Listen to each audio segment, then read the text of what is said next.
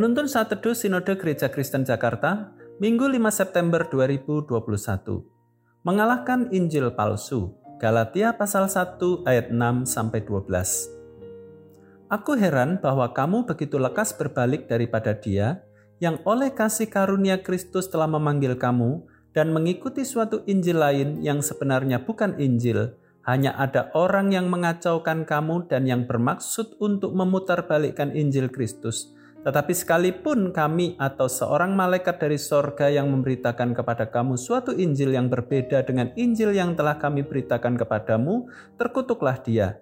Seperti yang telah kami katakan dahulu, sekarang kukatakan sekali lagi, jikalau ada orang yang memberitakan kepadamu suatu Injil yang berbeda dengan apa yang telah kamu terima, terkutuklah dia. Jadi, bagaimana sekarang? Adakah ku cari kesukaan manusia atau kesukaan Allah? Adakah ku coba berkenan kepada manusia? Sekiranya aku masih mau mencoba berkenan kepada manusia, maka aku bukanlah hamba Kristus. Sebab aku menegaskan kepadamu, saudara-saudaraku, bahwa Injil yang kuberitakan itu bukanlah Injil manusia, karena aku bukan menerimanya dari manusia, dan bukan manusia yang mengajarkannya kepadaku, tetapi aku menerimanya oleh penyataan Yesus Kristus.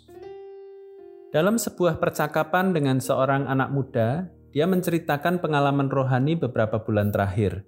Dia begitu antusias belajar iman Kristen lewat ceramah-ceramah, kemudian dia diajak oleh temannya mengikuti sebuah aliran. Dia ikut dan sangat aktif di dalamnya, sampai dia juga terlibat dalam kegiatan menyiarkan ajaran tersebut.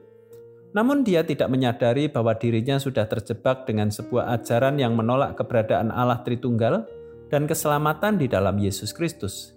Dia dahulu berpendapat bahwa tidak mungkin ada seorang yang berbicara di depan mimbar akan menyampaikan pesan yang tidak sesuai firman Tuhan.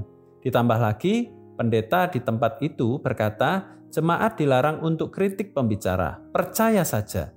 Bersyukur setelah itu ada komunitas gereja yang mengingatkan dia akan bahayanya ajaran sesat dan perlunya sikap kritis terhadap pengajaran yang diterimanya.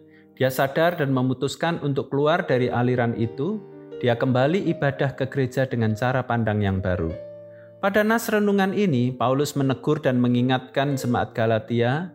Paulus tidak habis pikir sekaligus menyayangkan respon jemaat Galatia, sebab mereka begitu mudah terbuai untuk mengikuti Injil lain. Sebenarnya itu bukan Injil Kristus.